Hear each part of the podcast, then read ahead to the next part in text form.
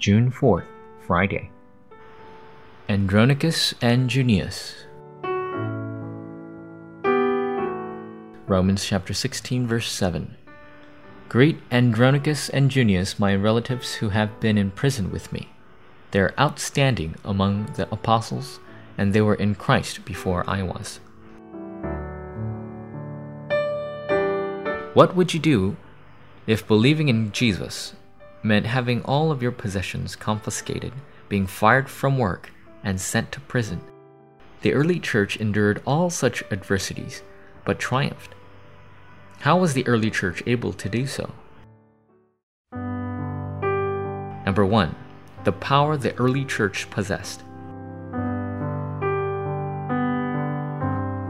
The early church knew a very important truth. They knew and enjoyed that Jesus was the Christ and gave utmost thanks. They knew and were brimming with joy in the mystery of the kingdom of God. Uh, as they experienced the power of God, they became witnesses to the work of the Holy Spirit. God sent Christ to fulfill all things in advance. If we deeply enjoy this, the forces of darkness will flee, and we will gain strength. Number two, a once in a millennium meeting.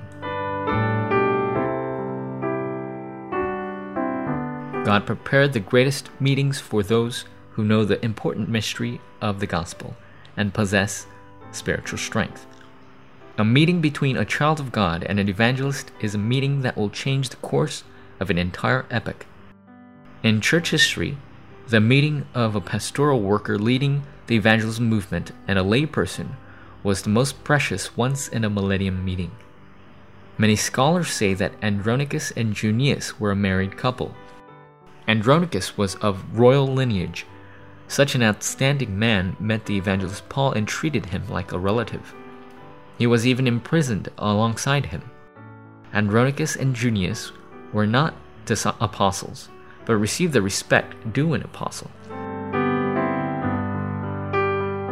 Number three, gathering of people who receive answers. The figures listed in Romans 16 were nicknamed according to the answers they received. This was the answers given to those who knew the blessings of the gospel, as well as the truth that Satan would have no choice but to ultimately cower and fall to his knees before Jesus Christ. These individuals came together as one. That is why the early church was able to triumph over any difficulty that befell them.